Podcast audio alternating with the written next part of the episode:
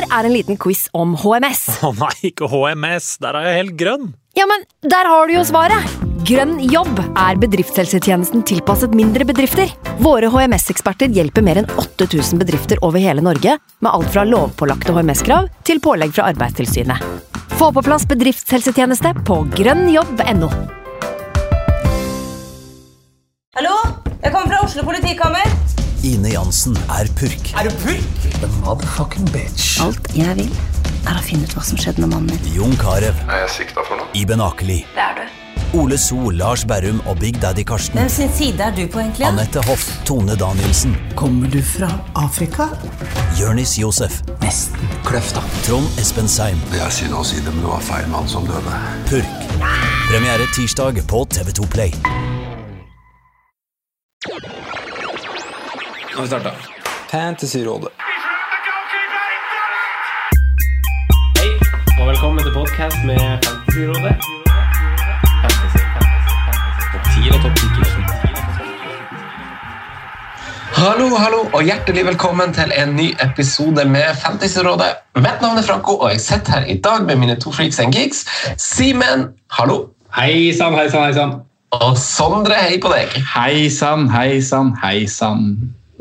Vi er nå halvveis i vår gjennomgang av Premier League-lagene og ståa hos de ti lagene. Det betyr at vi har ti igjen, og skulle Premier League sparkes i gang igjen på den nevnte 12. juni, så er vi i rute med gjennomgang av samtlige lag, og da i tillegg en Gameweek-episode dersom det skulle bestemmes at Fantasy Premier League skulle spilles. Eh, Sondre, du skal få ta ordet på, på, på hva hva ståa er, fordi Gameweek 38 er ferdig, men først lurer jeg på, Simen, hvordan går det med deg? Jo, det går egentlig greit. Litt sånn dårlig start på podkasten her, da, med at jeg, idet vi ringes på Skype, så finner jeg ut at jeg har knekt kabelen til uh, mikrofonen min. Uh, så det ble ikke noe mikrofon i dag, så det er derfor det ble kanskje litt shady lyd fra, fra Carl Berner. Vi satser på at det går bra. Sondre, har du det bra? Jeg har det bra, altså. Det er jo det var godt å se litt eh, fotball på TV igjen i helga. Fikk sett litt tysk Bundesliga. Gleder meg veldig til Eliteserien kommer i gang. 16.6. Terminlisteslipp på lørdag. Blir veldig gøy. Eh, Så det er jo lyspunkt på lyspunkt på lyspunkt. Og vi har bursdag. Glasset er fullt. Skål. Veldig bra. Det der med halvtom- halvtomt glasset i hendene. Ja, mange seg. Hadde du en fin 17. mai, Simen? Eh, ja, for så vidt så hadde jeg det. Det var første gang på 17. mai på veldig lenge jeg ikke har hatt på meg eh, dress. Ja. Eh, dama var hjemme og leste eksamen. Jeg endte med å dra i marka med fluestanga. Ja. Eh, så ja, det var litt av en spesiell 17. mai, men det var egentlig digg. Ble det noe fangst? Nei. Det hørtes, det hørtes deilig ut likevel. Det, det var veldig mye vind, så det var litt vanskelig å kaste flue, men det var morsomt å sitte og se på vannet. Ja. det er bra du finner underholdning i sånne ting, men Det er en god verdi. Ja, det ja, det, ja. Eh, Sondre, da, hva du gjorde i går? Jeg var, eh, det er første gang på 17. mai på veldig veldig mange år at jeg har frokost med mor og far.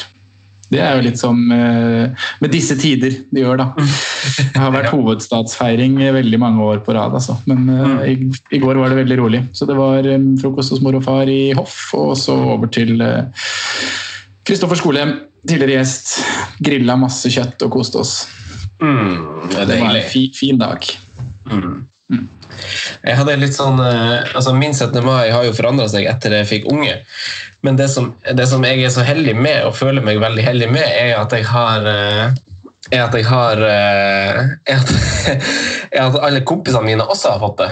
Eh, Så vi har på en måte, Jeg fikk sånn snap-minne. For tre år siden så, så jeg en snap av liksom, hvor han ene vennen min eh, får en rimjob av en annen kompis. og Det er liksom tre år siden, mens i år så kjørte vi fjernstyrtbil når vi først fikk litt guttetid på, på parkeringsplassen. Tok tida på vinneren. Ja. Ja, tida forandrer, Tider forandrer seg, ting. Altså. Ja. Det var ikke Eh. fireball til frokost i år. Nei, det var ikke det, altså. Nei. Det ble med et par pils. Skal ikke være han pappaen som er liksom shangala-bangala ute på, ut på gressplenen der og skjorta oppå dressbuksa og sånne ting. Nok av de. ja, ja, det er helt sant. Trist og sant. Eh, Skal vi hoppe, hoppe rett på fag, da, eller gutta? Eh, Sondre, for da hender jeg meg til deg, for du har jo, har jo veldig, veldig fint oppsummert eh, situasjonen eh, i hver episode nå etter vi gjenopptok Premier League-tema. Eh, hvordan er ståa nå når Gameweek 38 på kalenderen er ferdig? Nei, nå fikk vi jo faktisk da, eh, etter en lang, lang ventetid, en melding fra Fantasy Premier League eh, på fredag. Eh, Det er jo ingenting konkret om hva som skjer videre med spillet, men vi kan jo kanskje, hvis man ja, En liten oppløftende melding, da. De takket for tålmodigheten og, sa at de vil gi mer info når tiden er inne for det. Og så I beskjeden så fulgte de også litt info rundt chips, sørlandschips og alle typer chips, eh, om at om du sitter med noen, eh, så, så vil de fortsatt være tilgjengelige. Så det er jo sånn, Man kan jo tolke, tolke det dit hen, at det vil prøve å avslutte, avslutte det her på en eller annen måte. Eh, Men ikke noe mer konkret rundt hvordan de har tenkt å legge det opp. Nei. Så man kan jo bare spekulere der på om det blir nye enkeltrunder, eller om alt havner i, alt havner i en runde. Ja, fordi, eh, fordi mange når de går inn og skal gjøre bytter nå og se på laget sitt, og, og sånt, så får man jo beskjed om at uh, kom tilbake neste sesong, spillet er ferdig. Eh, mens den beskjeden du leste som kom da på fredag, uh, var jo litt for dem som ønsker at fantasy-sesongen skal fortsette, litt oppløftende om at, at det jobbes i kulissene for å få til noe. Simen, hvordan tolker du det her?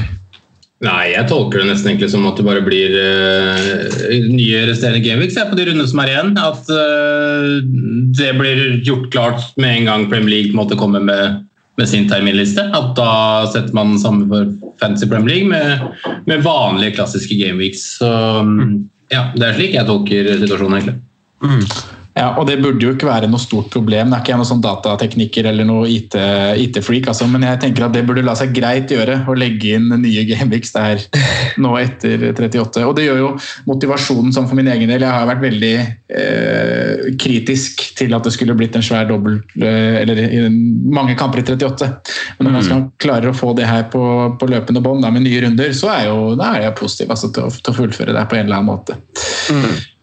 Ja, det er jo sånn at, eh, det jo sånn at, eh, at, eh, at det virker jo som om de Basert på det som har gått, da, at det har vært veldig sånn slavisk opptatt av hvordan ting er programmert, at det skal gå. At de ikke på en måte kunne gjøre noe, altså de ikke kunne løse på et bedre vis. For nå har vi jo faktisk gjort bytter til de rundene som faktisk kommer til å komme, men så får vi nye bytter igjen. Eller vi har hatt muligheter i hvert fall til å gjøre bytter på rundene som har gått, for at de har ikke kunnet avlyse spillet, eller hvordan det har vært. Det- Det virker som de må gjøre en ganske god jobb, eh, at de må grave dypt for å få til noe. Eh, Simen, du hadde kanskje en replikk du også? Ja, altså det var litt på det med det du har vært inne på. Så vanskelig kan det ikke være, og man kan ikke skylde på at det skal være vanskelig å programmere et spill altså, i 2020 som er så banalt enkelt som Fancy Premier League er. Altså, å, fryse et sånt spill, det, det er ikke vanskelig, og det hadde de klart fint hvis de bare hadde hatt lyst til det. Det handler mer om at man kanskje ikke trodde faktisk at det skulle bli ta så lang tid som det faktisk gjorde. Da. Men jeg synes egentlig de har egentlig bare røra seg inn i en veldig merkelig situasjon. Jeg, sånn som Franco sier, at han har hatt muligheten til å bruke, bruke en 8-9 bytter nå, eh, samtidig som nå får du da igjen med nye gamevix, så det er egentlig bare blitt rør. Det er det, men det er jo en situasjon som er ny, ny for alle. så man, De kunne jo sikkert ikke se for seg hvor lenge For først var det jo sånn Det skulle, være, det skulle bare være to gameweeks pause, og så, og så ble det jo ikke sånn. Eh, Så man skjønner jo kanskje litt også at det har vært eh, litt vanskelig å forutse. Men det er jo lett å sitte her og være etterpåklok og skjønne at eh, man burde bare frøsse det med en gang. Men ja, ja. Det, det blir artig å se hvordan de løser det. Jeg savner bare litt informasjon, egentlig. Altså, altså det, Om Premier League så hører vi i hvert fall litt hva som, hva som skal skje, mens eh, fantasy-sida på Twitter bare driver og altså bare driver og legger ut sånne dumme poller og sånn meningsløst eh, tull som har null nytteverdi. Ingen, det er jo ingen som trenger å vite, har lyst til å vite akkurat det nå. Det er jo andre ting vi vil vite. Ja. Skal vi ta, Hadde du en replikk, Sander? Nei, det er, jo, det er jo noen nyheter fra Premier League òg. Eh, ikke at det er store nyheter, men det har jo vært et nytt sånn, møte mellom alle klubbene i dag. da. Eh, mm. mandag 18. mai. Eh, og Der òg kan man jo si at man er ett steg nærmere eh, kamper. Eh, det skal ha vært en annen avstemning på det møtet rundt, som gikk på det med det å starte med trening da, i små grupper. Øh, og Det er det på en måte nå fått gitt grønt lys for fra og med i morgen. Så de klubbene som klarer å overholde retningslinjer og er klare for det, kan begynne med, med fotballtreninger i morgen. Da. Men da i små grupper. og Det er ikke snakk om noe nærkontakt øh, enda, altså. men det er som blir kalt for fase én da, av det her prosjekt øh, Restart. Ja. Så et steg nærmere. Det er det. Så er det den datoen som var 12. juni, som du nevnte innledningsvis her, den har vel nå blitt skjøvet til 19. juni. Eh, For det var noen trenere som var ute og De mente at det er for kort tid. da. Kampform, skader, sånne ting. Så Mm. den, altså, den også henger litt løst, altså, hvilken dato det er snakk om. Men Mm. Det, skal vel spilles noen kamper, skal spilles noen kamper mot reservelaget bak lukka dører og litt sånn forskjellig for å få den kampform. For den er jo En ting er å være i fysisk god form, men en annen ting er jo å, å være i fotballform, Sander. Ja, det er det. Og da er jo, ikke sant, I og med at det da også kommer til å være mye tettere kampprogram enn hva kanskje mange er vant til, så er jo det å være i god kampform ekstra viktig. da. Mm. Så ja, må tenke på spillere og, og ja, helse. På, ikke bare på koronaområdet, men også på skade, skadeområdet. da. Da kjører vi en liten teknisk hvil, og så tar vi eh, de fem lagene vi skal gjennom, som er lag som er på skuddhold, eh, som ser på Europa League eller Champions League som målet. Vi, vi, går over til, vi starter med mitt favorittlag nummer to. Eh, vi har jo delt opp ansvar på litt ulike lag, eh, og da var det jo skrevet i stjernen at jeg måtte ta et litt ekstra ansvar for Burnley. Eh, og gutta ligger vel nøyaktig der de ønsker å ligge nå, og hvor de ønsker å ligge om fem år, om ti år og 37 år. Altså midt på tabellen. Superhappy med det, tenker jeg. Eh, og jeg hadde jo en liten sånn utblåsning i forrige eller første episode om disse lagene, om eh, Bournemouth, og hvordan jeg føler at deres overgangsstrategi har på en måte vært deres akilleshæl, utnytta statusen sin litt dårlig. Eh, det samme kan vel i noen grad sies om Burnley, som jo var i Europa League. Men også da valgte å følge klubbens åpenbare prinsipper om å hente spillere innenfor landegrensen. Og gjerne kanskje divisjon under, eller tre, kanskje til og med. Men nå, eh, kun ett tap på sine siste elleve kamper, og null tap på sine siste åtte, hvor fem av de kampene var mot Chelsea, Arsenal, Manchester United, Tottenham Hotspur og Leicester. Så på papiret så står faktisk det beste for tur for, eh, for et lag som faktisk absolutt er som vi var inne på i sted, på skuddhold for eh, Europa League-spill neste sesong, dersom de greier å vedlikeholde formen fra før pausen. Og kikka litt på det her, for Seks av, av deres elleve seire på, på heimebane holdt de for øvrig nullen i også, var mot lag på, på nedre halvdel. Som de fleste gjenværende kampene deres er. Eh, De er altså svake mot antatt bedre lag, men viser litt muskler hjemme. Så skulle vi få nøytrale baner, så vil jeg anta at vi får et blytungt, baktungt eh, Burnley-lag. Eh, og før jeg går liksom inn på om, om, om det er fortjent eller ei hvordan at Burnley ligger der de gjør, og at formen er som de er, så hva er, hva er dine, Simen, eh, initial thoughts på, på Burnley? Litt det samme som du er inne på, at de faktisk er på skuddhold, selv om jeg kanskje ikke har helt troa på det. Selv om man, sånn, man ser det matematisk at det er mulig, og at de har den motstanden de har igjen. Eh, Så tror jeg ikke på at Burnley skal opp der og, og krangle med, eh, med Wolverhampton, med, med Manchester United, med, med Tottenham og Arsenal eh, om den, de siste europaplassene. Jeg tror heller det kommer andre lag fra, fra, som er litt lenger ned også, som kommer til å være mer hissig på de plassene. men Samtidig så har du potensialet der, da. I, I et lag som alltid er vanskelig å slå. Det er alltid, og det kommer det sikkert alltid til å være også, eh, en myte og sånn spøkelse om at det er vondt å dra til Turf Moor. Fordi eh, selv om Rory DeLapp ikke kaster Nei, sorry, nå blander jeg. Men selv om det ikke eh, Hva skal jeg si Alltid vil være den tunge, stygge fotballen fra Burnley, så vil alltid være et sånt jeg si, stempel over klubben. Mm. Det er vel et godt eh, altså, det kan jo, Hvis vi skal basere på det vi vet og har sett av Burnley, så har de jo prøvd seg på to kamper i uka, eller tre kamper kan på hvordan det, i uka tidligere med Europa League, og det gikk jo ikke så bra. Eh, de er jo en klubb som overhodet ikke er vant til det, og det er jo en trener som rullerer veldig lite på laget, så spiller og kanskje ikke bare fordi at eh, det er det han ønsker å gjøre, men kanskje også fordi at det som er i andre og tredje rekke, ikke er så veldig bra som, eh, som, det som er i andre og tredje rekke hos andre klubber de konkurrerer mot. da. Uh, Simen, hadde du en replikk?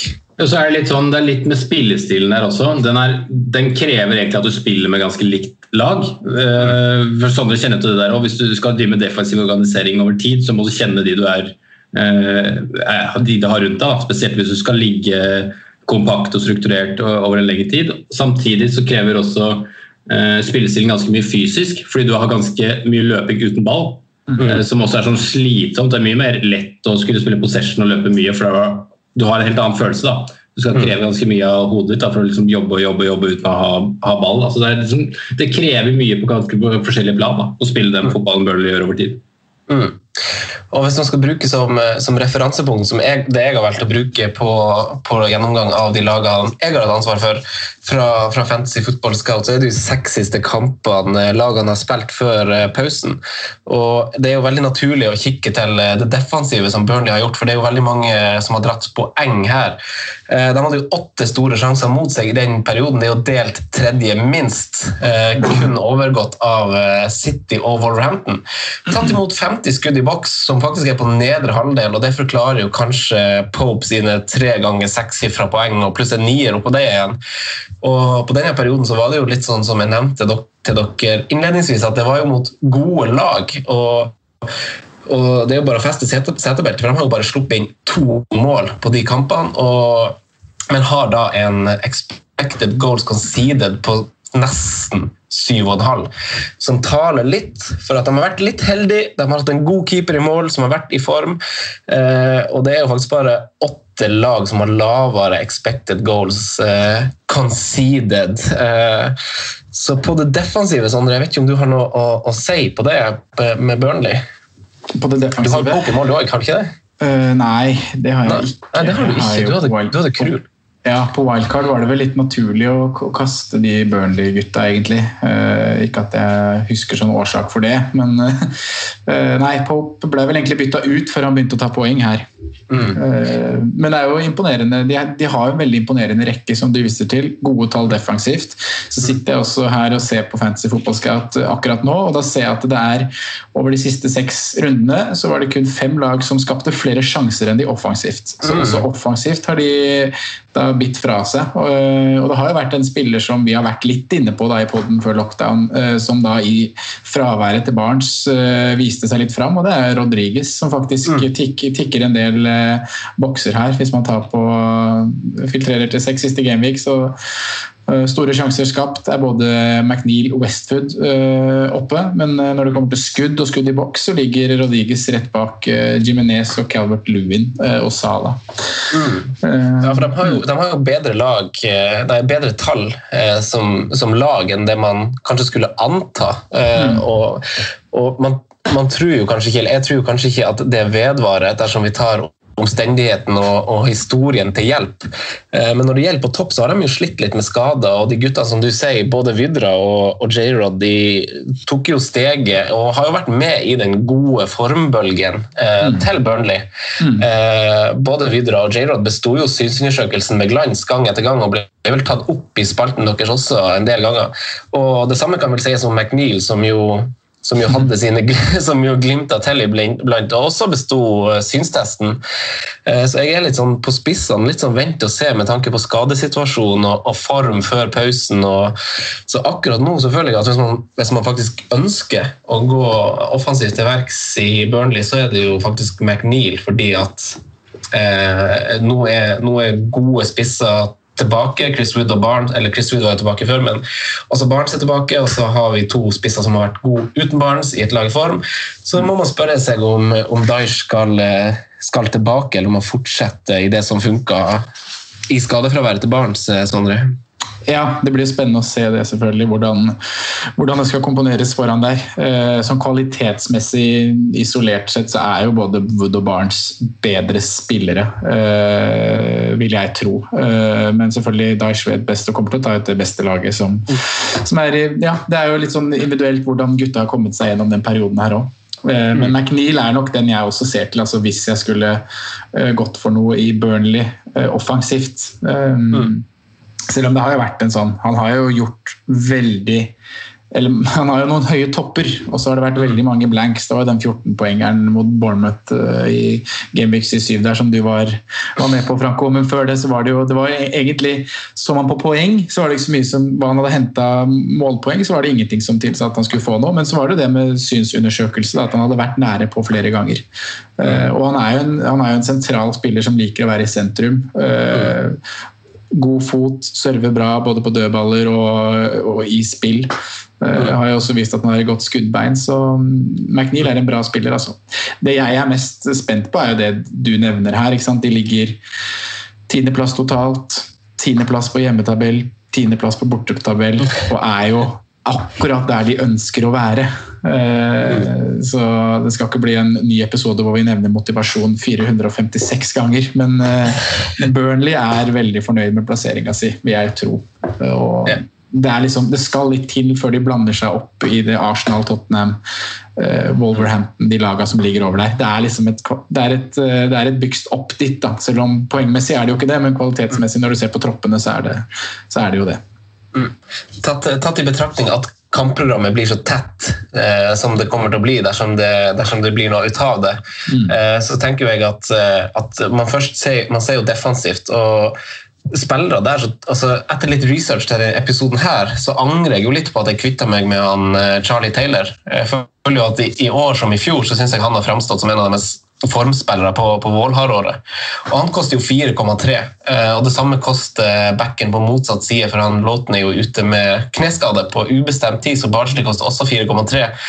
Eh, ingen av dem har noen veldig gode offensive tall, eh, men igjen med referanse til synsundersøkelse, så, så, tror jeg de som har sett litt Burnley denne sesongen, har sett at han, Charlie Taylor er ganske masse med på, på overlapp framover. og Den brukes kanskje ikke så hyppig som den gjør i større klubber, men han er veldig mye med framover. Og så er han jo på noen dødballer i ny og ne, så fremst de spillerne på, på, på, lista fortsetter å slite benk eller med skader, så er det jo han og McNeil som tar en del dødballer. og Så får vi se om han islendingen og han Robbie Brady de eventuelt får spille litt uh, til, uh, til, til våren. Men hva tenker du Simen, om det defensive i Burnley? Er det noe å hente, bortsett fra Pope? Doble? som, du, som, du, sier, så er det jo prisen kanskje som gjør det først og fremst fristende. Kanskje litt kombinert med, med at det er faktisk en del fine hjemmekamper her. Det går an å få inn en luring til 4-3 eh, som ikke må spille hver helg, eller hver, mm. hver, helg blir det jo ikke, da, men hver runde. da. Eh, og så kan du liksom bruke de ekstra midlene på noe annet på en snack. Så jeg ser jo på en måte den løsningen. Jeg tror egentlig det er for så vidt et helt greit, en helt grei rute å gå. Mm. Uh, så ja, Charlie Taylor, men det er også Charlie Taylor jeg ville valgt, da, tror jeg. Uh, eventuelt Pope, men jeg ja, jeg er ikke så gira på på på slutten av sesongen. Jeg føler kanskje det blir litt chase points hvis du ikke allerede mm. står med og bare gidder ikke å bytte. så er det på en måte en annen sak da. Mm. Uh, angående den offensive, da, så skjønner jeg ikke hvordan vi kan ha McNeil foran Chris Wood. da. Uh, jeg syns uh, mannen fra New ja, jeg syns mannen fra New Zealand skal få den som den helt klart offensive valget du skal ha fra Burnley. Mm. Sondre? Uh, ja, Chris Wood er jo et bedre valg kanskje sånn isolert sett, men det handler vel litt om at jeg har andre spisser igjen foran Chris Wood da, i, den, i prisen rundt der, fra seks og opp til sju. Uh, ja, og så blir McNeil liksom satt opp mot Sarr. Uh, og de spillerne som ligger rundt seks på midtbanen, er kanskje ikke så uh, attraktive. Uh, så det er vel kanskje grunnen til at jeg, jeg sa det. Mm. Jeg ville heller gått Puck enn Puck enn Wood, f.eks. Jeg ville heller gått Ings enn Wood. Ja. Ja, min oppsummering da jeg satt og gjorde, gjorde research på Burnley, var at jeg landa litt på at, uh, at, at uh, jeg dropper det offensive på bakgrunn av hvordan jeg tror de kommer til å å takle slutten av sesongen, fordi jeg tror ikke de kommer til å skåre så masse mål. Eh, jeg tror de kommer til å fokusere litt på å ligge bakpå. og jeg skal ikke på noen måte si noe hva Daish ville ha sagt, men han kommer jo sikkert å ta i betraktning hvordan de har takla så tette kamper før. eh, Og han vil sikkert da hvile guttene litt med å kunne legge seg litt bakpå, tenker jeg. da. Eh, Så da men det åpner jo igjen døra litt for, eh, for i de fine kampene de har, som de har, som Simen sier, hull av. Så kan man kjøre en frekk dobbel, synes jeg, hvis man fortsatt har Pope og vil ha en budsjettløsning i Taylor. Hvis man kjører Pope i alle kamper, så gjør man Taylor også i den fine kampen i ny og ne. Uh, Men uh, jeg har jo Pope, da. og Jeg står jo bare med han. uh, Så that's it. Skal vi gå over til mitt favorittlag nummer én? Er dere klare for det? Ja. Litt mer engasjement, da. Litt Ja! mer engasjement. Arsenal hadde jo faktisk bare ett tap på sine siste ti kamper i Premier League. Eh, og så har jo mange kloke fotballhoder forventa å se et helt annet lag under Arteta. Eh, og, og det har man jo fått, men effekten i form av trepoengere og en langvarig og kanskje nødvendig flytsone lar seg litt vente på. Eh, til tross for tre strake før pausen, så, så var kanskje et par av de kampene eh, også dem som kanskje så, var litt sånn skuffende eh, spillemessig. Og ser man bak det igjen, så var de tre kampene på heimebane, eh, hvor, de over, eh, hvor de på de tre kampene faktisk skårte åtte mål. Og det man kan bite seg litt merke i, er at Arsenal er på tolvte eh, på bortetabellen. Men de har riktignok eh, to kamper mindre spilt, for de fleste har spilt 15. Arsenal har spilt 13. Eh, det som er litt interessant med at til tross for at de ligger så dårlig an på, på bortebane, så er det jo kun Sheffield United, Leicester og Liverpool som har sluppet inn færre mål på bortebane. Men igjen, to kamper mindre spilt. eh, Det vil fortsatt være bra, eh, tror jeg. De vil fortsatt ha en god sånn, mål imot på bortebane hvis de har spilt to kamper til på bakgrunn av det så godt allerede. Problemet på bortebane er jo at de heller sliter litt med å finne nettmasken sjøl.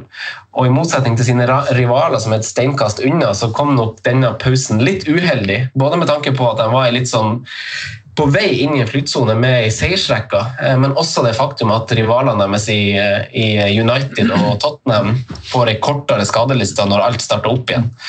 Arsenal har jo også gjort som Arsenal alltid gjør, og ender opp i en sånn kontraktsknipe som får litt fokus. eh, eh, Med, selv om ansettelsen av Raoul Sanley så var jo dette noe som skulle få fokus og prioritert at dette skulle ikke skje igjen. Det som har skjedd eh, så mange ganger i Arsenal, at spillere går inn i et siste år av kontrakten uten å ha signert ny.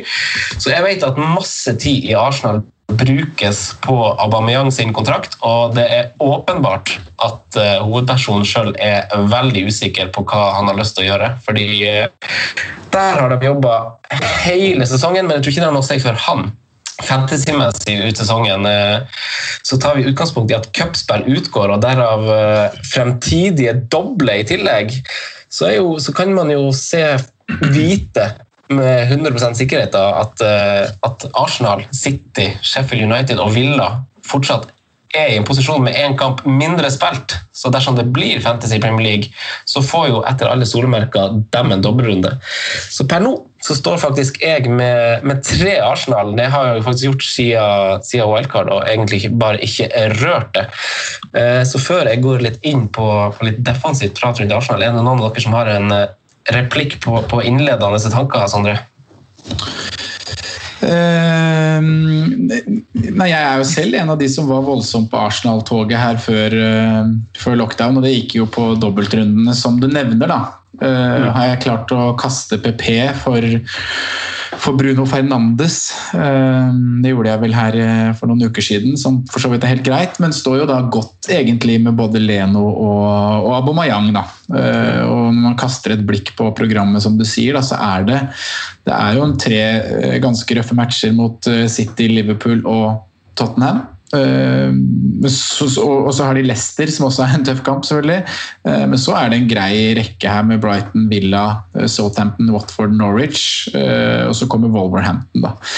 Så jeg tror det skal bli en del poeng fra Arsenal-spillere, men spørsmålet her er jo bare Det er jo det vi alltid faller tilbake på når det kommer til Aubameyang, eh, om man får det man betaler for, eh, egentlig. hvordan line-upen blir, da. Men eh, jeg er egentlig ganske fornøyd med å stå med han, og tror at jeg kommer til å gjøre det når det, når det kicker i gang. Simen? Du betaler jo for en, for en relativt eh, stabil eh, type som kan, du kan kapteine gans, med ganske god sikkerhet. Da, for han er jo ganske jevn egentlig i, i prestasjonene sine. og det er som regel, Selv om det ikke alltid er doble digits når du forventer det, så er det jo ofte return. da. I, I Pierre så, så på slutten så kan han egentlig bli ganske fin. Han i et lag som absolutt bør ha en motivasjonsfaktor her. Eh, hvor det er Eh, Det er fem poeng opp til, eh, til Manchester United med én kamp mindre. altså Den eh, femteplassen kanskje også med et kjempegodt run. Den fjerdeplassen er innen rekkevidde. Så um, kanskje både litt sånn for Arsenal sin del både litt synd og litt godt at den pausa kom. Det var synd at det kom i et momentum de hadde med tre strake, men kanskje også godt med at de for alvor kan se framover mot tampen av sesongen. Eh, bare litt tilbake til det med kapteins Han er jo egentlig et ganske sånn safe kapteinsemne i og med at han blir eh, Han blir jo toppskårer, holdt jeg på å si. Han skårer mye mål. Eh, Men det er jo som du sier, det er ikke, det er ikke altfor mye double digits. Da. Han har vel fire av de i år. eh, Og det blir sånn Man, man vegler seg litt for å kapteine en syvspiller. Om man skjønner. Det er ofte, det er ofte en scoring, to poeng for å ha fullført match, og så en bonus eller to. Så det, blir, det føles kanskje litt sånn Å ha en så dyr spiller som man kanskje ikke kapteiner så ofte, er vel egentlig det som på en måte er haken min ved det. Mm.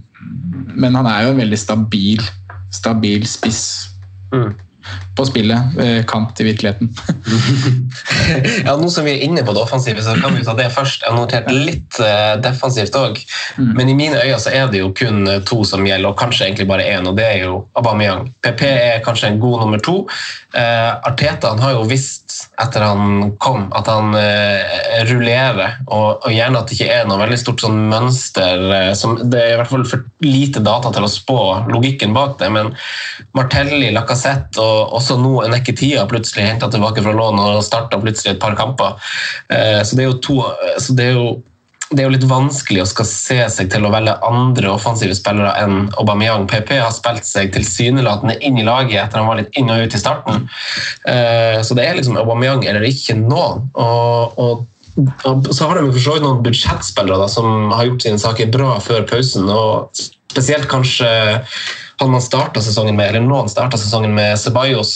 Eh, han har jo eh, spilt veldig bra før, før pausen. og tar noen cornerer og sånn, så hvis man vil ha en sånn freeloader, jeg tror han koster 5-2, som på en måte bare skal ha en dobbeltrunde, så har jo, kommer han kanskje til å få det. Eh, og så er jo andre er jo han saker som jeg har i laget mitt. Eh, det som er verdt å, å bite seg merke i her, er jo at eh, Kieran Tierney og Kolasinac har jo brukt pausen til å komme tilbake fra skade.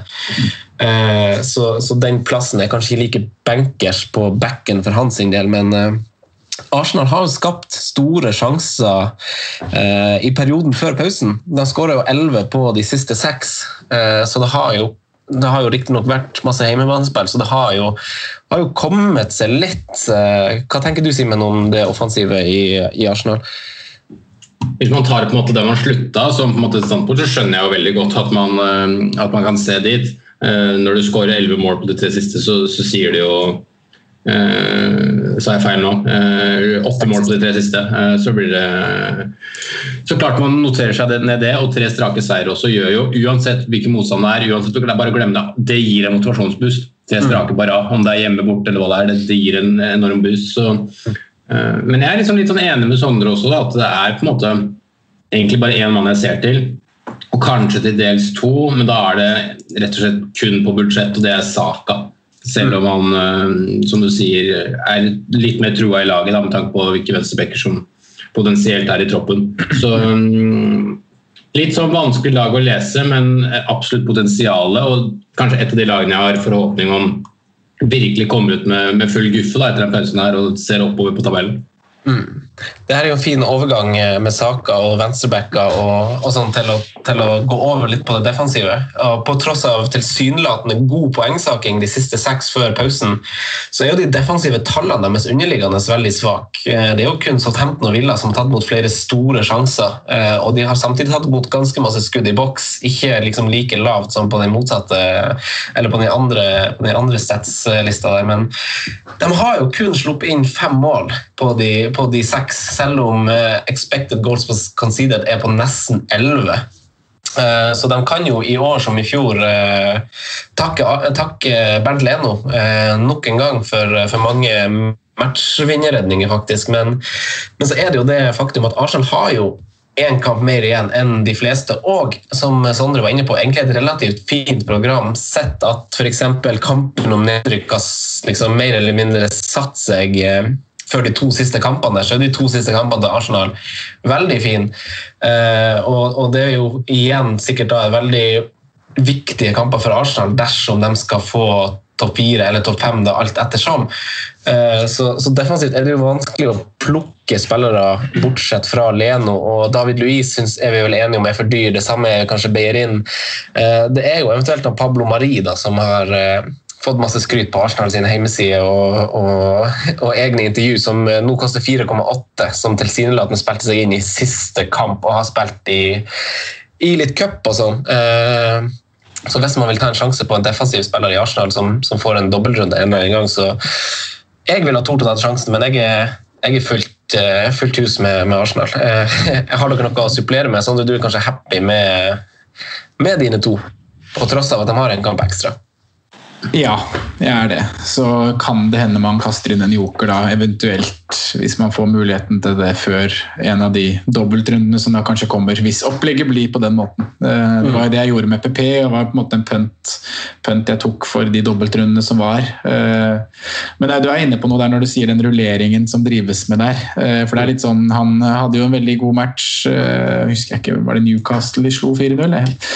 Ja. Uh, og så Westham-kampen som de vinner 1-0, så blir de jo bytta ut etter 68 minutter. Uh, mm spares kanskje til City-kampen, som skulle kommet noen dager etter.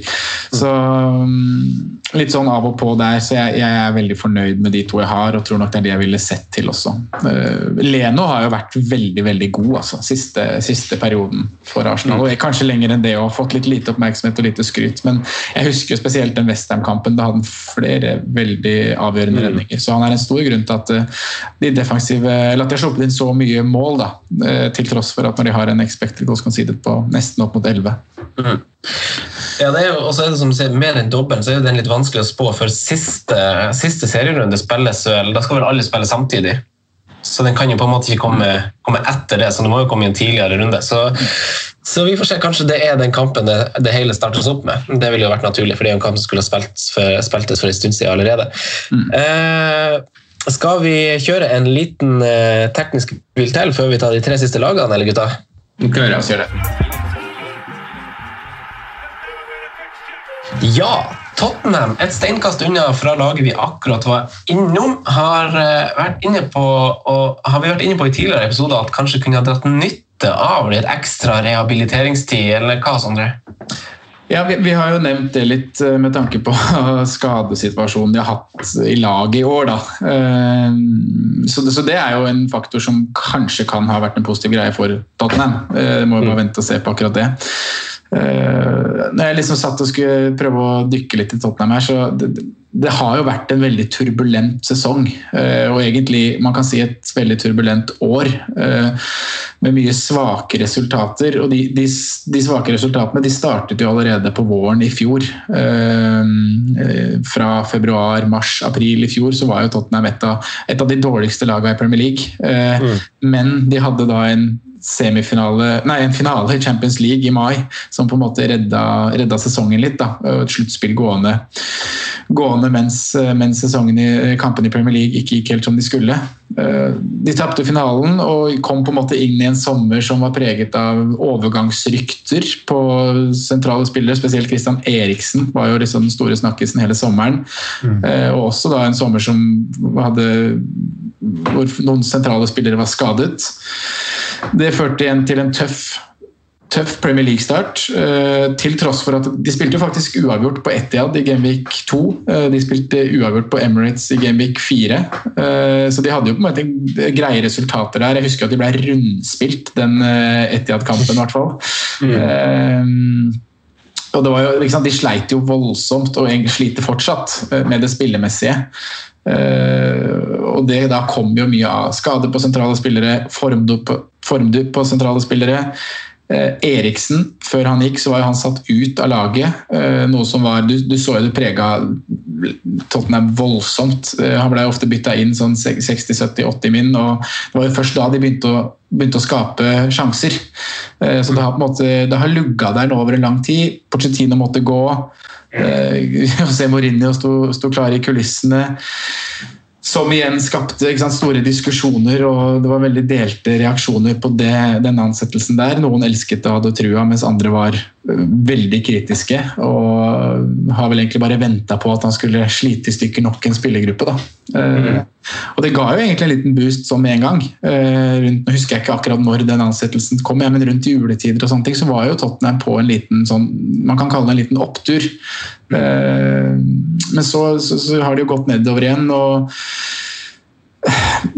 jeg vet liksom ikke helt hva man skal, hva man skal forvente da, når man kommer, til, kommer tilbake nå etter, eh, etter, koronapause. Status er jo som vi sier at flere av de skadde spillerne deres er på vei tilbake. og Da tenker man jo spesielt på Harry Kane og Hong Min Son, eh, mm. som er helt klart veldig avgjørende venn for at Tottenham-laget skal, skal, vinne matcher. Eh, ser man på programmet de har igjen, så er det ganske fint. Eh, de møter jo en del lag som, som spiller med kniven på strupen, da, som har eh, som har mye press på seg for å overleve. Men de er også heldige som har tre lag fra den forrige gruppen av lag som vi snakket om. Newcastle, Palace og Everton, som kanskje ikke har så mye å spille for igjen. Som, som da mangler litt motivasjon. Og motivasjon burde i hvert fall ikke mangle hos Tottenham når de ligger da De har en CL-plass, sånn som Arsenal, altså har de en Champions League-plass å spille om. De har syv poeng opp. Men jeg er som sagt mest spent på hvordan spillelyst og moral er da i laget. Hvordan de, hvordan de ser ut når det har vært så mye rusk i maskineriet nå på en måte over, over så lang tid. Da. Men uh, har da glimtvis sett bra ut og ofte blitt redda av enkeltmannsprestasjoner av veldig gode individualister. Mm. Uh, så jeg, jeg kikka litt på liksom, defensive tall. Da. Uh, de kom jo fra en, kom jo fra en rekke de hadde vel en tre seire på rad der, rett før Skal vi se, skal jeg få det opp? De hadde, de hadde tre seire på rad mot, mot Norwich, City og Villa. Før de da de tre siste matchene før break-in bare klarte å få ett poeng mot Chelsea, Wolverhampton og Burnley. Og i løpet av de seks, seks siste matchene der så lå jo når det kom til defensive tall, så var de jo helt på De nevnes da i samme kategori som lag som Villa, Westham og Norwich, eh, og det vil de ikke. De var eh, fjerde dårligst på lista på Big Chances Conceded. Eh, de var nest, det var det laget som slapp til nest flest skudd i boks, bare Westham var dårligere.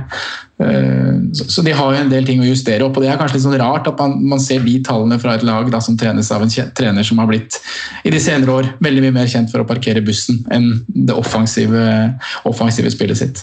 Mm. Så jeg er spent på Tottenham, og jeg tror det kan ha vært positiv pause i og med da at Son og Harry Kane har gått fra å være rød til å bli gule på, på spillet.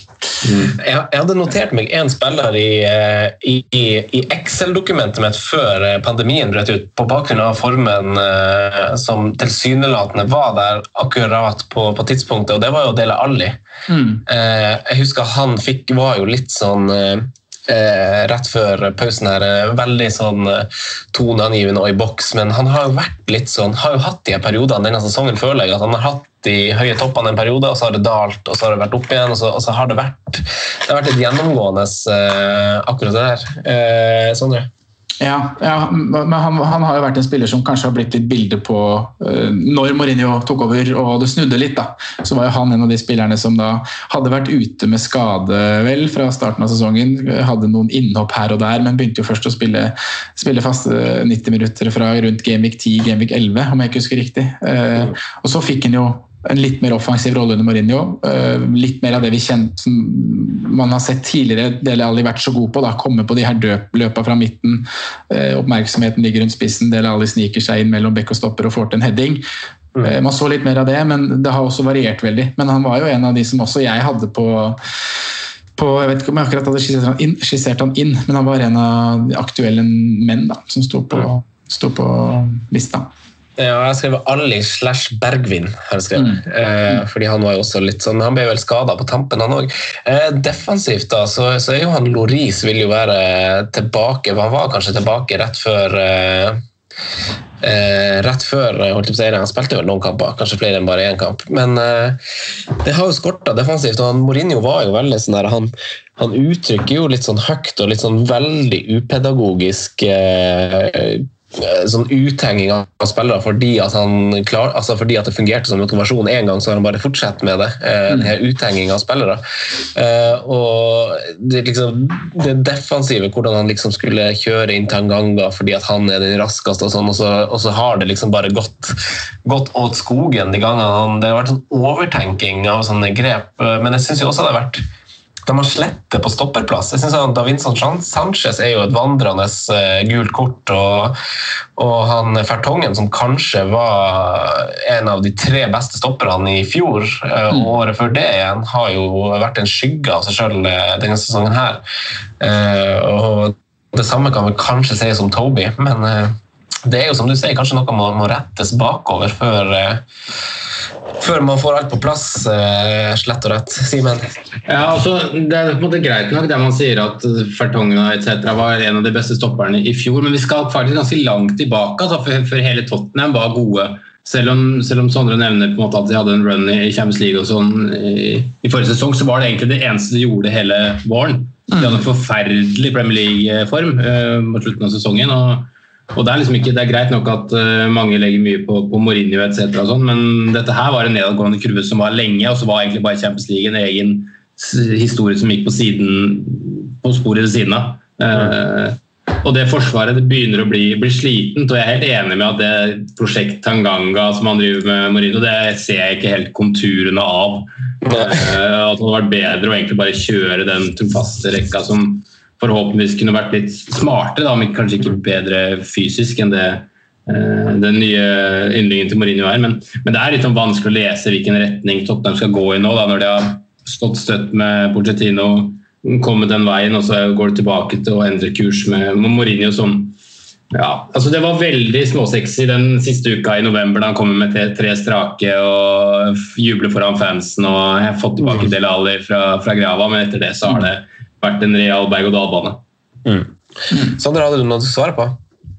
Nei, jeg, jeg, for å, Det med run de hadde i Premier League i våres for Jeg husker vi satt og snakka om det her på preseason-podene våre i, i sommer. Eh, mm. Hvor vi på en måte prøvde å Ja, Tottenham har ikke vært eh, et bra lag i våres. De ligger vel på 16.-17.-plass hvis man tar fra januar og ut. Det var jo helt, det var helt krise. Men da prøvde vi på en måte å forsvare det litt. da, eh, I at fokus hadde ligget på Champions League og sånne ting. Eh, men så så man jo bare når, når ligaen starta igjen at det var jo mer enn det. Det var, det, en, det var noe mer der i den gruppa uh, som, uh, som var feil. Og jeg skjønner det jeg på mange måter. Man, man, kan jo tenke at det er ulike årsaker, da, men én ting er jo at du spiller for et av de største klubbene i Premier League og tjener så latterlig mye mindre enn det de gjør i de aller største klubbene. Det kan være en greie, det, for det har vært mye snakk om akkurat det der i Tottenham, med kontraktssigneringer og lønninger og, og pengebruk. Uh, og, ja, så det har vært bygd seg opp en del greier der som, som mann i gata, da, vi som følger fotball og, og supportere, ikke får innblikk i. Eh, som, som, nok har ligget og murra over, over, en god, god periode. Eh, som rett og slett går på klubbdrift. Da. Uten at jeg, jeg har jo ikke noen peiling på det her i det hele tatt. jeg bare tenker. Men eh, jeg kan se for meg at det, det, kan ha hatt veldig mye å si over en god periode for Tottenham, og da endte det i det det ble. da. Franco. Ja, han er jo veldig han, du, du, har jo et poeng, for han er jo veldig kjent for det, han mm. Levi. Han har jo, eh, han jo kasta noen eh, potensielle avtaler på dør fordi at han står på sett. Mm. veldig kjent for å, å drive økonomisk sikkert, og er ganske hard på det. Eh, og så er det jo litt sånn som det har vært spekulert i med Tottenham, at moderne fotball har forandra seg litt. Du får ikke lenger de romantiske historiene Ferguson United, Class of 92, at det ikke er sånn det fungerer lenger. At, at det krever at man gjør litt drastiske endringer. Man får, får noen friske pust fordi andre klubber gjør det, og, og det fungerer. Så at fotballen har forandra seg litt, at du ikke får de her kjærlighetseventyrene som varer, varer livet ut i like stor grad lenger. Eh, Sondre? Nei, og, og det der er jo det du sier med Ferguson og stabilitet og, og sånne ting. og Tottenham var en av de klubbene som før Pochettino ble ansatt, så jeg mener du har lest i en artikkel at de hadde jo, det var typ ti trenere på på tolv sesonger. Det var jo voldsomt med utskiftninger der. Mm. Eh, ikke at jeg husker akkurat antallet nå, men, eh, det, har jo vært en, det har vært urolig der over tid. da. Mm. Eh, 12 trenere, nei, Ti trenere på tolv år, om man inkluderer midlertidige trenere. Ja. Skulle gjerne hatt tilbake Sherwood. De har prøvd, i hvert fall. Prøvd mye forskjellig. Nei, men Det blir spennende. Jeg, jeg synes Det er vanskelig å trekke noen konklusjoner på Tottenham nå på hva man skal gjøre. For de har jo et ganske fint run innover, som du sier, Sondre, mot, mot lag med, med antatt lavere motivasjon. og Så får vi se med, med Kane og Son. da. Det kan jo være noen jokere, eller? Jeg, jeg tenker jo at uh, Hong Min Son uh, i form uh, Eller alle, for den saks skyld. Ja, men jeg syns jo sånn er jo en enda større spiller. Ja, ja, ja, så er. Der er jo prisen 9,7, men han er, kommer alltid til å være aktuell så lenge han ikke er skada. Mm. Så det blir spennende å følge. Eh, Simen, har du noe siste, det siste ord på Tottenham før vi hopper over til, til ditt lag, eh, ditt ansvarslag denne uka? Um, ja, altså jeg er enig med, med Sondre at sånn er på en måte aktuell nesten uansett. Uh, fordi at han er så god. Han er, på, på sitt beste så er han blant de aller aller beste spillerne i ligaen, mener jeg. Uh, og den klart beste fotballspilleren i den klubben der, selv om også Harry Kane tar mye på overskriftene. Men, men jeg liker egentlig å ha notert Sergio Rier, altså. Uh, for han har hatt en ganske god sesong offensivt. Sju målpoeng til tross for uh, at han ikke har klart å, å mure opp. Og ja, jeg vil notere han mot slutten, selv om han er ja, 4-9. Jeg syns det er en fin pris hvis Tottenham kan få skikk på noe som kan bli en kamp om europaplassen. Mm. Men da, med det så hopper vi over til sesongens store overraskelse og store sjarmører, kanskje også. Ikke bare innovativ med, med spillestil, men det har jo også vært eh, et litt sånn friskt pust inn i, i FPL. Eh, hva, hva du syns du om det nå, da, Simen? Nei, jeg har egentlig jeg har likt uh, måten Sheffield United har spilt fotball på og vært in innovative. Det har jeg uttrykt flere, flere ganger. og Selv om måte, tallene deres er uh, ganske kjedelige med å ha skåret 30 mål og, og sluppet inn 25 på, på 28 kamper, så syns jeg egentlig vi får ganske mye interessant fotball da, hver gang vi ser, ser Blades. Eh, litt bevegelsesmønstre, noe som ikke stemmer helt. Du vrir, vri litt på hodet når du ser de spiller, samtidig som ja, det var litt kult å se på likevel. Det var kanskje litt genialt. Så jeg må si at jeg hadde det ikke vært for den sesongen eh, Liverpool og Jørgen Klopp har, så hadde jeg vel nesten unnt godeste Chris Wilder, den årets trener i, i Premier League. Mm. Jeg må si det, altså. Mm. Fancy-messig også har jeg blitt kjent med litt av hvert, og, og det var jo eh, det er vanskelig å si hvordan det påvirka dem, altså, men jeg vil tro at det påvirker de negativt når du er en underdog, har et momentum, eh, plukke poeng jevnt og trutt. Hadde vel tre av de fire siste med, med seire også, og at ligaen liksom ble stoppa. Jeg er redd for at de kommer til å få seg en liten down nå på slutten, fordi de mister litt av det momentumet. og et som jeg nevnte, og, og også ha litt sånn altså Programmet er for så vidt greit, men jeg tror det er en del kamper her som det er kjedelige lag å møte i den tida her. Uh, møte litt sånn lag som både kjemper litt, ser litt oppover på tabellen, og noen som skal kjempe for livet. Mm. Er jo, de er jo også et av lagene som har en kamp ekstra. De jo til, kamp, til gode mot Aston Villa. Eh, og, og som du sier, så er det jo kun, det er jo kun Liverpool som har sluppet inn færre mål på reisefot denne sesongen enn eh, enn Sheffield United sine tolv, som kan bikke i favør eh, Wilders menn dersom det blir nøytralbaneløsning.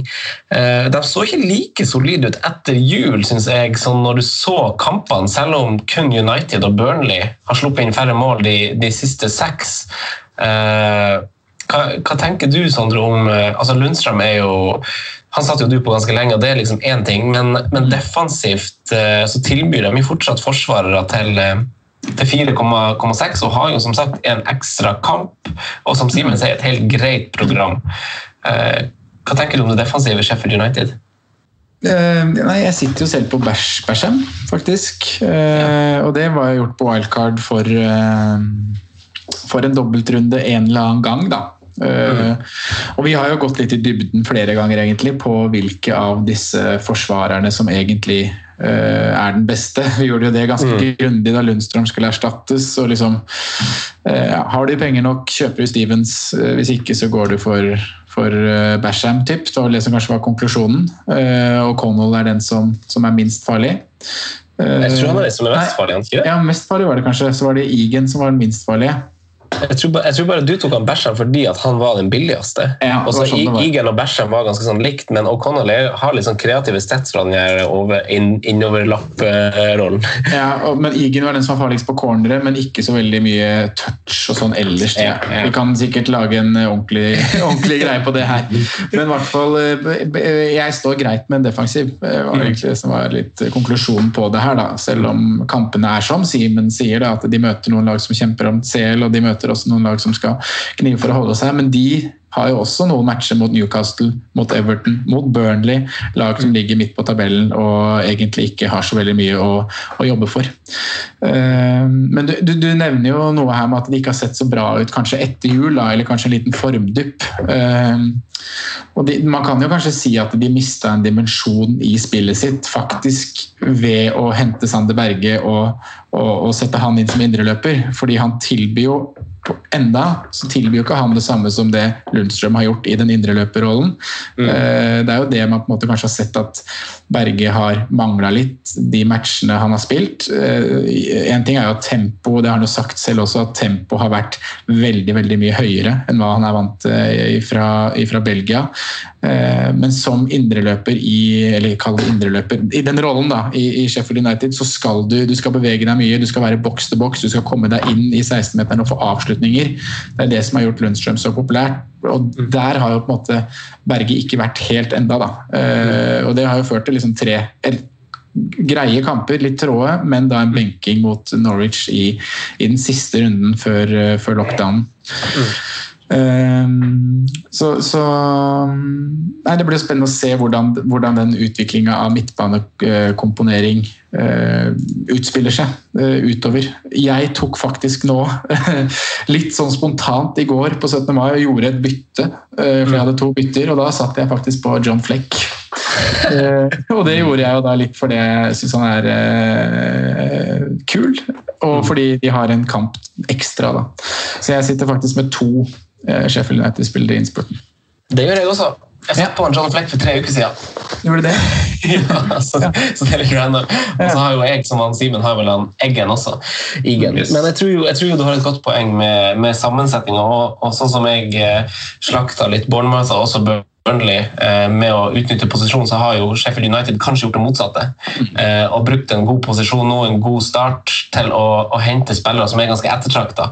Eh, og, og med det så, så skjønner jeg jo også dilemmaet han får som, som trener, fordi han har hatt veldig suksess med en elver, og så vil fansen, og så vil spiller, og så vil klubb forvente at den spilleren skal, skal inn i laget. Eh, og man ser jo at det trenger jo tid, så jeg skjønner jo på en måte at eh, at han, bare, han tar ikke bare ut han Oliver Norwood, som, som heller i utgangspunktet ikke var et anker før plutselig denne sesongen begynte å fungere. Eh, og Lundstrøm heller spilte jo ikke noe i championship, men plutselig skal han levere i Premier League. Eh, så så det, jeg skjønner jo at han, han, kan, han kan ikke bare mikse det opp nå når de står og faktisk kan få europaspill eh, første sesongen i Premier League. Eh, det skjønner jeg jo. Eh, men, men rent offensivt da, så, så har jo jeg, jeg henter jo Flekk. Jeg og du, Sondre, tydeligvis. Eh, han koster jo fem. Han får en del gule kort, men han er ganske langt unna suspensjon. Det vil jeg bite meg merke i. Og, og han og McBurney, da, som er den ene spissen som har omsider eh, fått litt kontinuitet og faste minutter eh, i, på den spissplassen. For der har det blitt rullert voldsomt masse. Ingen av dem har veldig gode tall eh, per de siste seks kampene, men begge to har på ulike tidspunkt av sesongen hatt ganske gode tall. Fleck kreativt gode tall, McBurney hadde en periode veldig gode offensive tall. Og det jeg tenker er jo at om spillere som dem to, er jo at det er jo man trenger jo spillere i de hjelperytterrollene, og, og, da kan man i tillegg med de to slå i bordet at, at de har en kamp ekstra og, og, de hjelper å finansiere Aubameyang, og kanskje du vil ha flere City-spillere, for de også har en kamp ekstra. Da må du plutselig ha litt penger, da. Eh, og da får du på en måte en to i én-løsning dersom du går så billig som, som Fleck eller McBurney, da, og i tillegg får en kamp ekstra. Eh, Simen, hva tenker du om det offensive i Sheffield United, du? Jeg er ikke så frista av det. Altså, det, er, henger jo litt sammen med det jeg på en måte introduserte med også, da, at det er et lag som har skåret 30 mål på 28 kamper her. Eh, jeg føler også at, eh, at målene kommer ofte slik at det er litt tilfeldig hvem som skårer, hvis du skjønner poenget mitt. Altså, det er eh, litt kriging i boks, det er fylle på etter at de har hatt kontinuerlig press. Altså, det, liksom, det kan være like godt være indreløperne som kan være spissene, som kan være motsatt wingback egentlig som følger på. Altså, det er litt sånn tilfeldig hvor ballen lander noen ganger. Så, så, mm, Det er det jeg på en måte er litt redd for offensivt, at jeg ikke veit hvem som vil stå for prosenten av målpengene som kommer. Og så er jeg litt redd for det du var innom, eh, Franco, med at eh, uh, Wiley kanskje ikke klarer å få pressa inn Berge fordi at uh, det, gamle, det, det, samme gamle funker nå. Jeg er redd for at den bobla sprek, sprekker snart. For som du nevner, Lundstrand spilte ikke championship. Norwood var, var, egentlig ikke et anker. De er egentlig ikke så gode som de har prestert denne sesongen. her da. Vi må mm. faktisk huske det. Og jeg er litt redd for at den pausa som gjør nå. De mister momentum. Spillerne er ikke så gode som de har prestert. At det kanskje da sprekker litt på tampen av mm. sesongen. da. Eh, det er på en måte bekymringen min for Sheffield United, da, selv om jeg håper egentlig at de får en sånn eventyrsesong nå og karer seg til Europa. Ja. Jeg er enig i det, men det er, det er sykt altså, det, Jeg syns det blir veldig spennende lag og trener å følge. For altså, nå Sesongen er én ting, men også neste sesong. Eh, hva som vil forventes. Og som du sier, Simen, spillere som åpenbart har overprestert. Eh, Norwood han, har, han, er vel liksom i klubb med Craig Dawson og røkka ned fire ganger fra Premier League. eller noe sånt. Og, og det er sånn skal, skal, det plutselig fungere? Skal du, skal du, angripe Premier League til neste år på samme måte? Det blir så artig hvordan du som trener vil styrke laget og vil bære kontinuitet over. Jeg er, jeg er så spent på de greiene der, faktisk. Mm, jeg er enig, veldig spent på det selv. Uh, Sheffield United er vel et sånn bevis på det med, med system over individ. da på en måte. Mm. At uh, ja, man kan si at dette er spillere som er overprestert, men igjen, det er et godt fundament, uh, en god trener, en klar filosofi som gjør at de, de mestrer rollene sine da, og presterer bra. Mm. Så jeg, jeg, er jo enig med dere at det er spillere som er overprestert, men jeg er ikke Jeg, jeg, tror de kan fortsette å, å, å kjøre. fordi mm. I og med at det er, en, det er, en, jobb som er gjort over lengre tid her. Og det er, det er på en måte et så innarbeida system hvor spillerne vet godt hva de skal gjøre. Og de har, kjenner sine roller tydelig. Og det skal han ikke undervurdere. altså. På, mm. på alle nivåer så er det Det kan på en måte slå individualistene. Mm. Gode poeng, gode poeng. Det blir artig å følge med. Eh, vi tar siste klubb for, eh, for kvelden. Eh, Wolverhampton, voldsomt populær i flere lag før, før pandemien. her. Håta, Raoul Dorothy, Willy Bolly, for å nevne kanskje alle. Adam og Traoré han vel kanskje litt ut. Hvordan er det nå, Sondre? Som du sier, veldig populært lag før pandemien. og Det, det var jo flere grunner til det. egentlig. De, de, hadde god form, de hadde fine pictures. Og så var det jo også et av lagene som ikke hadde blanks. Så de var veldig populære inn mot de her eh, blank-rundene i 31 og 33, var det vel. Hvor man bare mm. kunne sitte med, med Wolverhampton-gutta. da, Bare ha de med seg gjennom. Uh, Wolverhampton er som for meg er det et lag som har, egentlig har uh, De hadde et kjempesesong i fjor, uh, men ble på en måte litt lagt til siden i, i sommer og i preseason. og de har på en måte spilt seg litt inn i fantasy-diskusjonen gjennom sesongen. Da. Selv om resultatene har vært jevne hele veien. De har prestert bra. Eh, men vi var veldig spente i sommer. Eh, De skulle ut i europaspill. Man var skeptisk til om det her skulle fungere med den eh, tynne stallen de hadde. da, Om de skulle klare å håndtere det med å spille torsdag-søndag torsdag-søndag over lengre tid. Og at det kanskje kunne bli for, for tøft for de. Eh, Og En annen faktor til at vi la det litt til siden, var jo at populære navn som Dockerty, som du nevner, som hadde en, var jo en helt i fjor på startpris til 4,5. Han var jo skrudd opp til, til 6 blank, og ble på en måte kanskje, han ble prisa litt ut. da. Eh, og Samme med Raoul Jiminez, han ble ikke prisa ut, men han, han ble i hvert fall skrudd opp, eh, skrudd opp en, en million eller halvannen million. Eh, To millioner til og med, tror jeg. Det Var var ikke kanskje fra, 5-5 til 7-5? Jo, det var jo fra 5-5. Han starta på 5-5, han. Jeg lurer på det. Ja, og og så var det eh, Håta da, som var eh, Han ble flytta opp til angrep. Eh, Og hvis det var noen som hadde Wolverhampton start, så var det vel fort vekk han da som var den eh, folk hadde. Eh, For det var en litt sånn billigspissbonanza fra, fra start av sesongen, hvor Håta var en av flere. Mm. Men ser en på programmet nå, så syns jeg egentlig det er eh, veldig fint. Som alle De møter jo lag som skal krige, eh, men de har, eh, de har også noen av de lagene som ligger i midten, som jeg nevnte med Tottenham. Eh, Og så så jeg på at de, de møter jo faktisk, eh, hvis man ser på verstinglista over innslupne mål i år, så møter Wolverhampton fire av de seks øverste lagene på verstinglista. Så det er jo potensielt eh, lag det kan skåres mål mot. Å nei, så har jeg kvitta meg med begge spissene. Jeg hadde jo begge. Ja, det var det, det ja. Det sier litt om at, at hodet liksom ikke har vært helt påkobla nå i denne koronatida når man skal bruke de byttene. Jeg tror ikke jeg er alene om, om det. Nei da, jeg er jo i samme båt sjøl. Jeg har jo kasta, kasta Raúl Jiminez for å sette på Dominic Calvert-Lewin. Så Ja, samme her. mm. Mm. Nei da, det, er liksom. Det blir jo spennende å se eh, hvor, hvor de står. Simen, har du noen eh, Wolverhampton-spillere i laget ditt per nå? Jeg har faktisk to stykk, ja. Nei, tre stykk. Tre stykk. Eh, jeg har klart å beholde Raúl Jiménez, eh, som jeg hørte det, dere hadde kasta. Jeg har eh, klart å lure inn eh, Den Donker. Ah, på tide! Ja da. Eh, det var vel, om jeg ikke tar feil, så var det for å lure inn Bruno Fernandes. Eh, og jeg har Du ikke Cantwell, vet du. Jo, jeg har Cantwell òg. Ja, du har han fra før av, ja. Også Matt Doherty, som eh, var i egentlig ganske fint driv før vi, før vi sa farvel og stopp enn så lenge med 6-6-10-12-6. Så um, Nei, eh, Wolverhampton har jo de har svingt litt mer i år enn de har gjort i fjor, selv om de har en god posisjon, syns jeg. Og etter jul også så har de jo hatt med to eh, FA Cup-kamper, med tre Europa League-kamper og det vanlige kjøret Premier League, så har de hatt en ganske stor påkjenning av matcher. Så jeg tror de også eh, som kanskje hadde liksom litt sånn greit med en liten pause, med tanke på hvor mange kamper de faktisk hadde spilt det siste. da. Mm. Mm.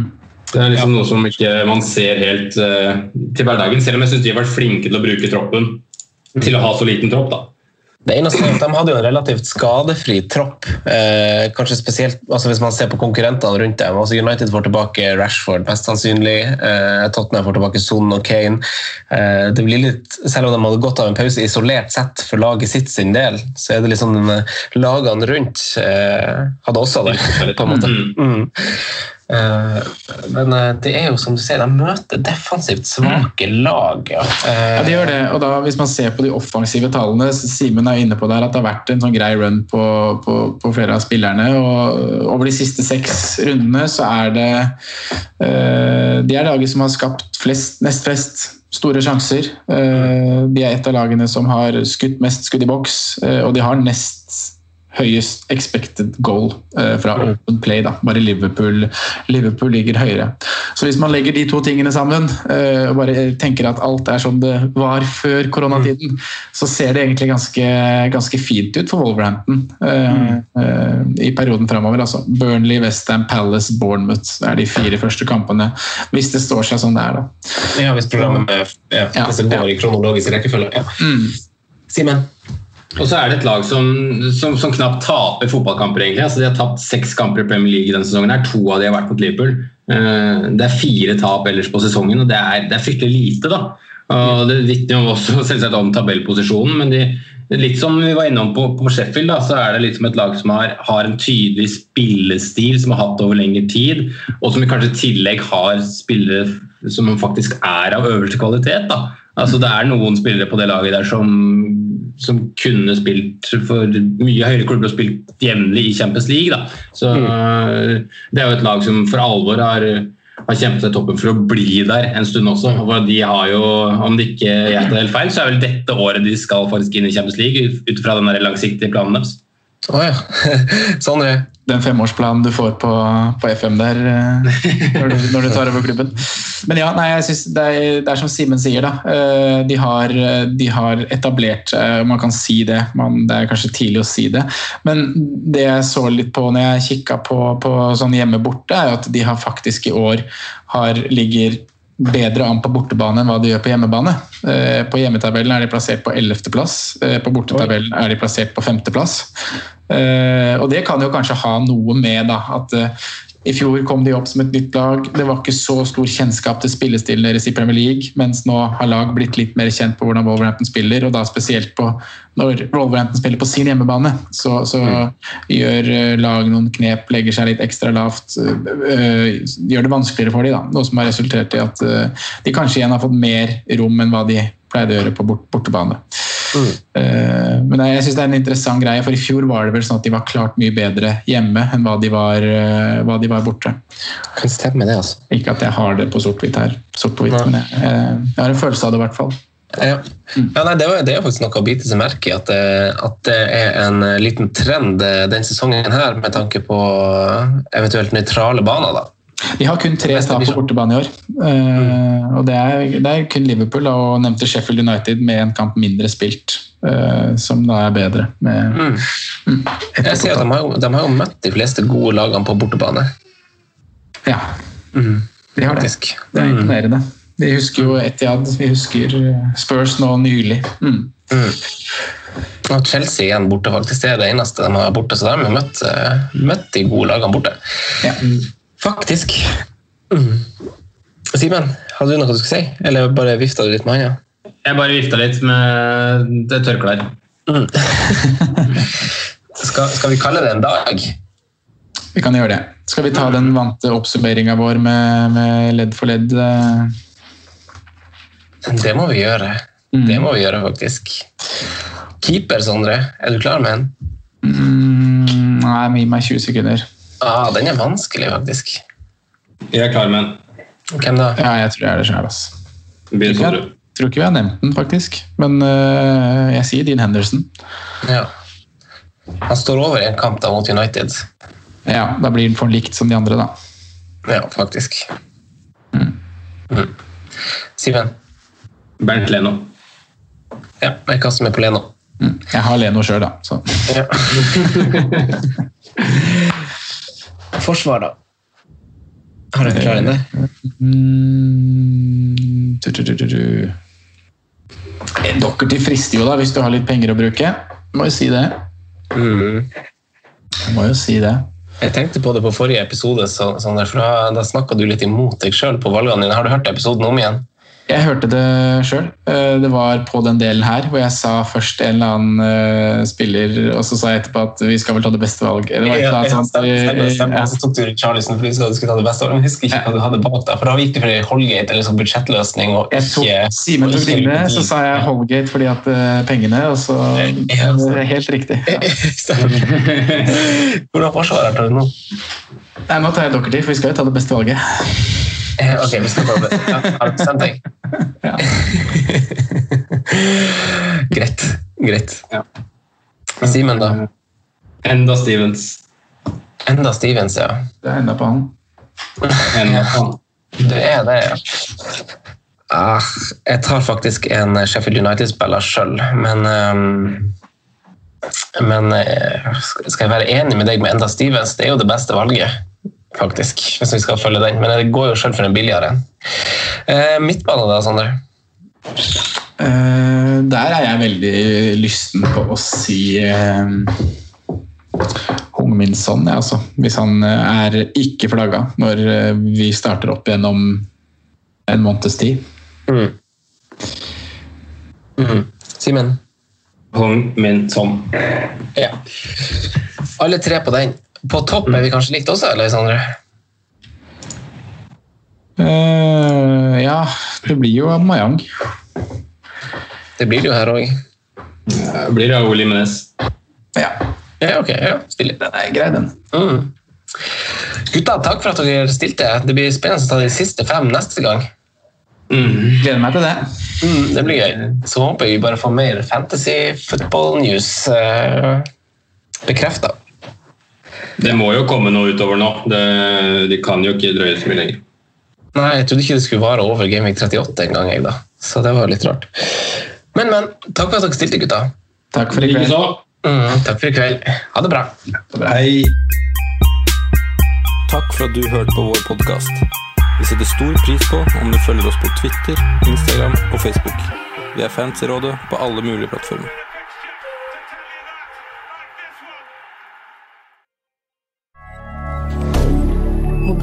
Media. Ukens annonsør er Folio, en smartere banktjeneste for deg som har en egen bedrift eller ønsker å starte for deg selv. Folio er en superenkel nettbank for bedrifter. Som kunde i Folio får du en bedriftskonto med et bedriftskort og app. I denne appen er det smarte løsninger som forenkler regnskapet ditt, uansett om du har en liten bedrift eller et enkeltpersonsforetak. Folio er både intuitivt og brukervennlig, og er laget med et enkelt språk. I tillegg tilbyr de forutsigbare priser og ingen skjulte gebyrer.